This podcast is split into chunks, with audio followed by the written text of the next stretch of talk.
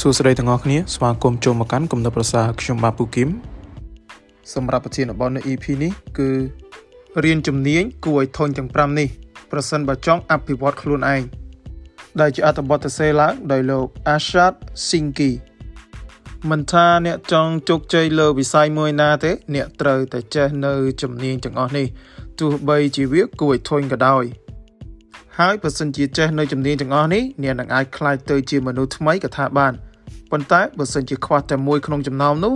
វាក៏អាចក្លាយទៅជាសត្រូវដ៏ធំដែលអាចរៀងរាំងអ្នកពីការអភិវឌ្ឍខ្លួនឯងបានផងដែរអញ្ចឹងកុំឲ្យចាំយូរយើងមកធ្វើការស្វែងយល់ទាំងអស់គ្នាជំនាញទី1ថិតថេរជាប់លាប់ភាពថិតថេរជាប់លាប់អាចជាមូលដ្ឋានគ្រឹះនៃភាពអស្ចារ្យកថាបាន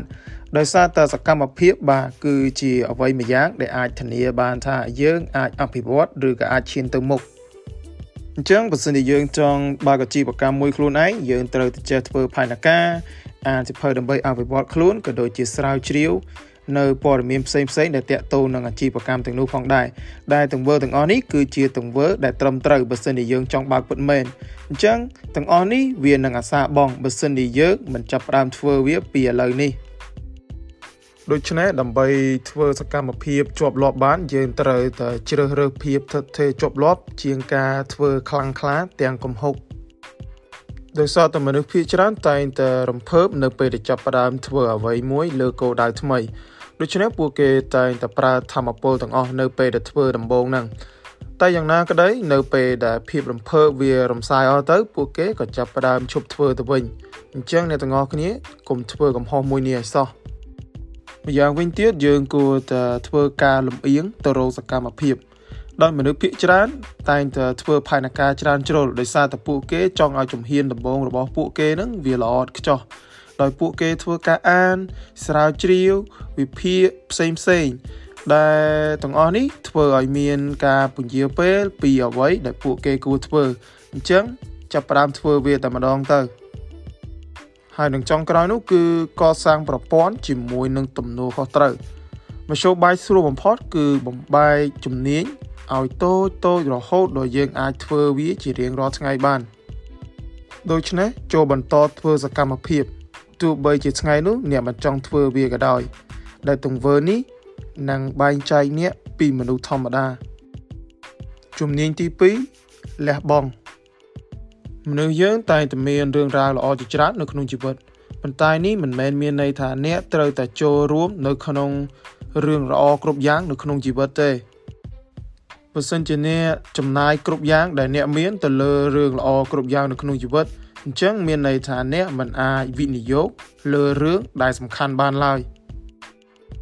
ដោយឧទាហរណ៍បើសិនជាអ្នកទិញនៅអ្វីគ្រប់យ៉ាងដែលអ្នកចង់ទិញរហូតអស់លុយពីខ្លួនហ្នឹងអ្នកនឹងមិនមានលុយសម្រាប់វិនិយោគទៅលើចំណេះដឹងក៏ដូចជាអាជីវកម្មដែលអ្នកចង់ធ្វើពិតប្រាកដឡើយហើយឧទាហរណ៍មួយទៀតបើសិនជាអ្នកចំណាយពេលជាមួយនឹងមិត្តភ័ក្តិគ្រប់គ្នាបាទអញ្ចឹងមានន័យថាអ្នកក៏មិនអាចមានពេលទៅធ្វើការដែលអ្នកស្រឡាញ់ក៏ដូចជាចំណាយពេលវេលានោះជាមួយនឹងគ្រួសារបានដែរ ដូច្នេះការលះបង់យើងអាចយកវាប្រៀបធៀបជាមួយហ្គេមក៏បានដែរប៉ុន្តែវាមានល្បិចច្រើនបន្តិចបើសិនជាអ្នកលះបង់តិចតួចពេកអញ្ចឹងអ្នកនឹងមិនអាចធ្វើរឿងដ៏អស្ចារ្យឬក៏ធ្វើរឿងអ្វីដែលអ្នកពេញចិត្តបានឡើយប៉ុន្តែជាមួយនឹងការលះបង់ច្រើនពេកវាអាចធ្វើឲ្យអ្នកមិនអាចពេញចិត្តនឹងជីវិតបាន ដែលវាអាចធ្វើឲ្យអ្នកអស់កម្លាំងចិត្តឬក៏ burn out អញ្ចឹងដើម្បីធ្វើការលះបង់ដ៏ត្រឹមត្រូវឬក៏សមល្មមយើងអាចប្រើប្រាស់ច្បាប់នៃ hell yes or no ពិតប្រាកដឬក៏អត់ទេដោយយើងត្រូវតែវិនិយោគនៅពេលវេលាធម្មពលក៏ដូចជាទ្រព្យសម្បត្តិទៅលើអ្វីដែលធ្វើឲ្យយើងមានអារម្មណ៍ពុះកញ្ជ្រោលថា hell yes ឬក៏ត្រូវពិតប្រាកដចេញពីខ្លួនឯងអញ្ចឹងវាមានន័យថារឿងគ្រប់យ៉ាងដែលវាមើលទៅល្អឬក៏សមរម្យប៉ុន្តែយើងមិនពេញចិត្ត100%ហ្នឹងយើងមិនចាត់បាច់ចូលរួមធ្វើការជាមួយវាទេ ហើយម្យ៉ាងវិញទៀតអ្នកគួរតែចំណាយពេលវេលាជាមួយនឹងក្រុមគ្រួសារក៏ដូចជាមិត្តភ័ក្តិដែលស្និទ្ធស្និទ្ធបាទដែលធ្វើឲ្យអ្នកមានអារម្មណ៍ថាមានក្តីសុខក៏ដូចជាស្រស់ថ្លាផងដែរដែលវាមានន័យថាយើងគួរតែឈប់ចំណាយពេលជាមួយនឹងមិត្តភ័ក្តិធម្មតាធម្មតាទៀតទៅដោយពាក្យមួយរបស់លោក Derek Siever ដែលគាត់បាននិយាយថា no yes is the hell yes or no គ្មានពាក្យថាបាទទេ មានតែពាក្យបាទត្រូវពិតប្រាកដឬក៏ទេតែម្ដង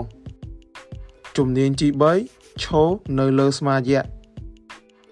មនុស្សភាគច្រើនតែងតែព្យាយាមស្វែងយល់គ្រប់យ៉ាងដោយខ្លួនឯងដោយពួកគេមិនព្យាយាមរៀនសូត្រពីមនុស្សដែលធ្វើការស្វែងយល់ហើយនោះទេ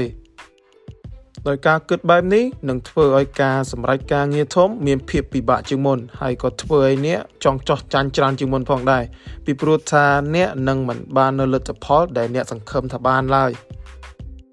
ដូច្នេះវិធីសាស្ត្រដែលអ្នកអាចឈរនៅលើស្មារតីឬក៏នៅជាមួយអ្នកជំនាញខាងរឿងមួយនោះបាន គឺមាន3ជំហានសំខាន់សំខាន់ជំហានទី1ស្វែងរកគ្រូដែលដឹងអំពីរបៀបសម្រេចការងារដែលអ្នកចង់បានមួយនោះ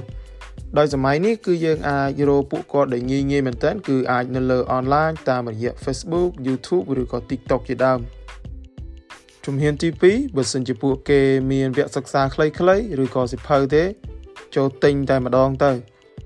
ដោយពួកគេអាចចែករំលែកនៅដំបូន្មានក៏ដូចជាចំណេះដឹងទូទៅ free នៅលើអ៊ីនធឺណិតប៉ុន្តែពួកគេតែងតែមានកលឹះក៏ដូចជាខ្លឹមសារសំខាន់សំខាន់នៅវគ្គសិក្សាក៏ដូចជាសិភៅផងដែរ ហើយជំហានចុងក្រោយនោះគឺបញ្ឈប់នៅជំនឿរបស់អ្នកជាបណ្ដោះអាសន្នសិនបន្ទាប់ពីទិញផលិតផលរបស់ពួកគេហើយឈប់ប្រើនៅជំនឿរបស់អ្នកទៅបាទឈប់ព្យាយាមស្វែងរកហេតុផលដែលថាពួកគេនិយាយមើលទៅទំនងឬក៏អត់ហើយឈប់សម័យថាស្ដាប់មើលទៅដូចជាមិនតំណងសោះដូចជាឆោតឆោតឬក៏គ្មានមធ្យោបាយដែលវាអាចធ្វើបានទេ ប្រសិនជាអ្នកសម្រេចចិត្តជ្រុលថាទិញនៅផលិតផលរបស់ពួកគេហើយអញ្ចឹងចូលស្ដាប់នៅអ្វីដែលពួកគេដឹងក៏ដូចជាអ្វីដែលពួកគេនិយាយទៅបាទអញ្ចឹងបញ្ឈប់នៅជំនឿរបស់អ្នកមួយផ្លែតសិនហើយធ្វើអ្វីគ្រប់យ៉ាងដែលពួកគេបាននិយាយបើសិនជាយើងធ្វើតាមមួយខែឬក៏ពីរខែហើយឃើញថាវាគ្មានលទ្ធផលអីទេអញ្ចឹងយើងអាចកាត់សេចក្តីបានហើយជំនាញទី4ផ្ចិតផ្ចង់និងព័ត៌មានលម្អិត អ្នកជំនាញនៅលើរឿងអ្វីមួយដែលពួកគេបានធ្វើហ្នឹងគឺដោយសារតែពួកគេចេះ zoom in ឬក៏ចេះមើលនៅលើគ្រប់ចុងជ្រោយនៃការងាររបស់ពួកគេហើយនឹងធ្វើវាឲ្យคล้ายទៅជាអ្វីដែលល្អឥតខ្ចោះដោយពួកគេតែងតែសង្កេតទៅលើរឿងតូចតូចដែលមនុស្សធម្មតាតែងតែគិតថាវាមើលទៅដូចជាមិនសំខាន់ទេអញ្ចឹងនៅពេលដែលពួកគេចាប់ផ្ដើមពង្រីកហើយនឹងធ្វើការកែប្រែចំណុចតូចតូចទាំងអស់ហើយ ការកែលម្អតូចៗនោះនឹងនាំទៅរកការលូតលាស់ជ្រុលហួសពីមនុស្សធម្មតាឬមិនលម្អិតมันអាចធ្វើការប្រមូលផ្ដុំឬក៏យល់ពីវាទាំងអស់បានឡើយដូច្នេះដើម្បីធ្វើជាមនុស្សដែលផ្ចិតផ្ចង់លើព័ត៌មានលម្អិតបាន ដោយដំបូងយើងគួរតែធ្វើការសរសេរនៅ micro skill ឬក៏ជំនាញតូចៗចំនួន10នៅរឿងដែលអ្នកបានធ្វើនោះ។ បន្ទាប់មកទៀតយើងទៅសេថែម10បាទទៅសេថែម10ហើយយើងទៅសេថែម10ទៀតរហូតដល់យើងអស់កំណត់បន្ទាប់មកទៀតយើងអាចធ្វើការ zoom in ឬក៏ពង្រីកមើលសពជុំជ្រោយហើយបើសិនជាយើងអាចคลิกកន្លែងណាយើងទៅសេវាថែមទៀតមកហើយជំហានបន្ទាប់ទៀតយើងអាចធ្វើការផ្ដោតឬក៏ focus ទៅលើជំនាញតូចតូចនោះ3ឬក៏4ឈុតបន្ទាប់មកទៀតយើងអាចរមធ្យោបាយដើម្បីធ្វើការកែលម្អពួកវាឲ្យប្រសើរជាងមុន។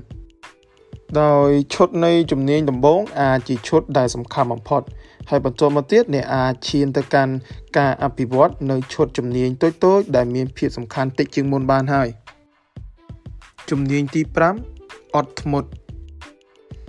ដែលជំនាញនេះត្រូវបានចាត់ទុកថាជាជំនាញដែលសំខាន់បំផុតក៏ដូចជាពិបាកក្នុងការធ្វើផងដែរ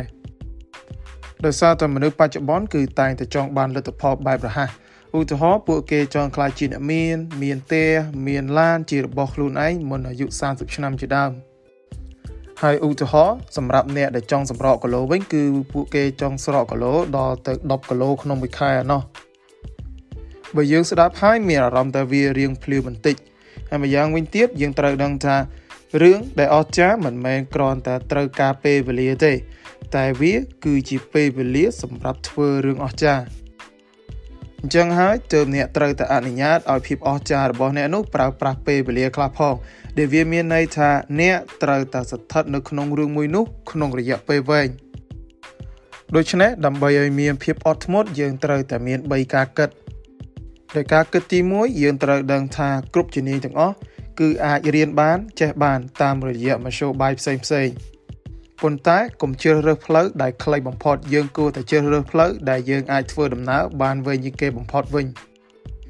អ្នកទាំងអស់គ្នាប្រហែលជាធ្លាប់ឮគេនិយាយដែរថាការតមអាហារល្អបំផុត គឺជាការតមដែលអ្នកអាចធ្វើពេញមួយជីវិតបានអញ្ចឹងនៅពេលដែលអ្នកមានសេចក្តីសុខនៅក្នុងការដើរលើវិថីមួយនោះហើយអ្នកនឹងអាចមានការអត់ធ្មត់ហើយនឹងមិនចោះចាញ់ផងដែរ ការគិតទី2ផ្ដោតសំខាន់លើការធ្វើច្រើនជាងមុនបន្តិចជារៀងរាល់ថ្ងៃដែលទង្វើនេះគឺជាការអភិវឌ្ឍម្ដងបន្តិចម្ដងបន្តិចដោយឧទាហរណ៍សម្រាប់អ្នកដែលចង់រត់ដើម្បីហាត់ប្រាណអញ្ចឹងគេអាចរត់ថ្ងៃទី1 1គីឡូទៅហើយថ្ងៃទី2យើងអាចរត់1គីឡូ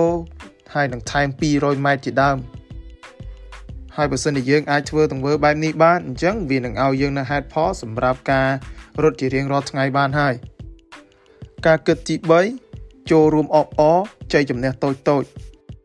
សម្រាប់មនុស្សមួយចំនួនគេតែងតែគិតថាគោលដៅខ្លួនឯងហ្នឹងគឺតែងតែភាពអស្ចារ្យហើយសម្រាប់អ្នកដែលអាចអបអរនៅចៃជំនះទូចទូចស្ដាប់ហើយដូចជារៀងឆោតបន្តិចមែនតែទោះបីជាយ៉ាងណាក៏ដោយការអបអរនៅជ័យជំនះតូចៗនេះនឹងឲ្យអ្នកនៅក្តីសុខក៏ដូចជាទំនុកចិត្តនៅក្នុងការសវាយកគោលដៅដែលធំជាងមុនដូច្នេះមិនថាអ្នករត់បានច្រើនជាងមុន10ម៉ែត្រ20ម៉ែត្រឬក៏50ម៉ែត្រអីទេ ចូលដឹងពីវាហើយនឹងអបអរវាទៅសរុបមកវិញបើសិនជាអ្នកទាំងអស់គ្នាអាចសម្រេចនៅជំនាញទាំង5នេះបានអ្នកទាំងអស់គ្នានឹងអាចធ្វើការលូតលាស់ហួសពីការរំពឹងទុកជាមិនខាន។តាមរយៈការធ្វើអ្វីមួយបានជាប់លាប់សមត្ថភាពនៃការលះបង់ដ៏ត្រឹមត្រូវការដឹងអំពីរបៀបឈរនៅលើស្មារតីការពង្រីកមើលក៏ដូចជាការអភិវឌ្ឍទូចទូចដើម្បីឈានទៅរកការអភិវឌ្ឍដ៏ធំសម្បើមហើយនឹងចុងក្រោយនោះគឺអត់ធ្មត់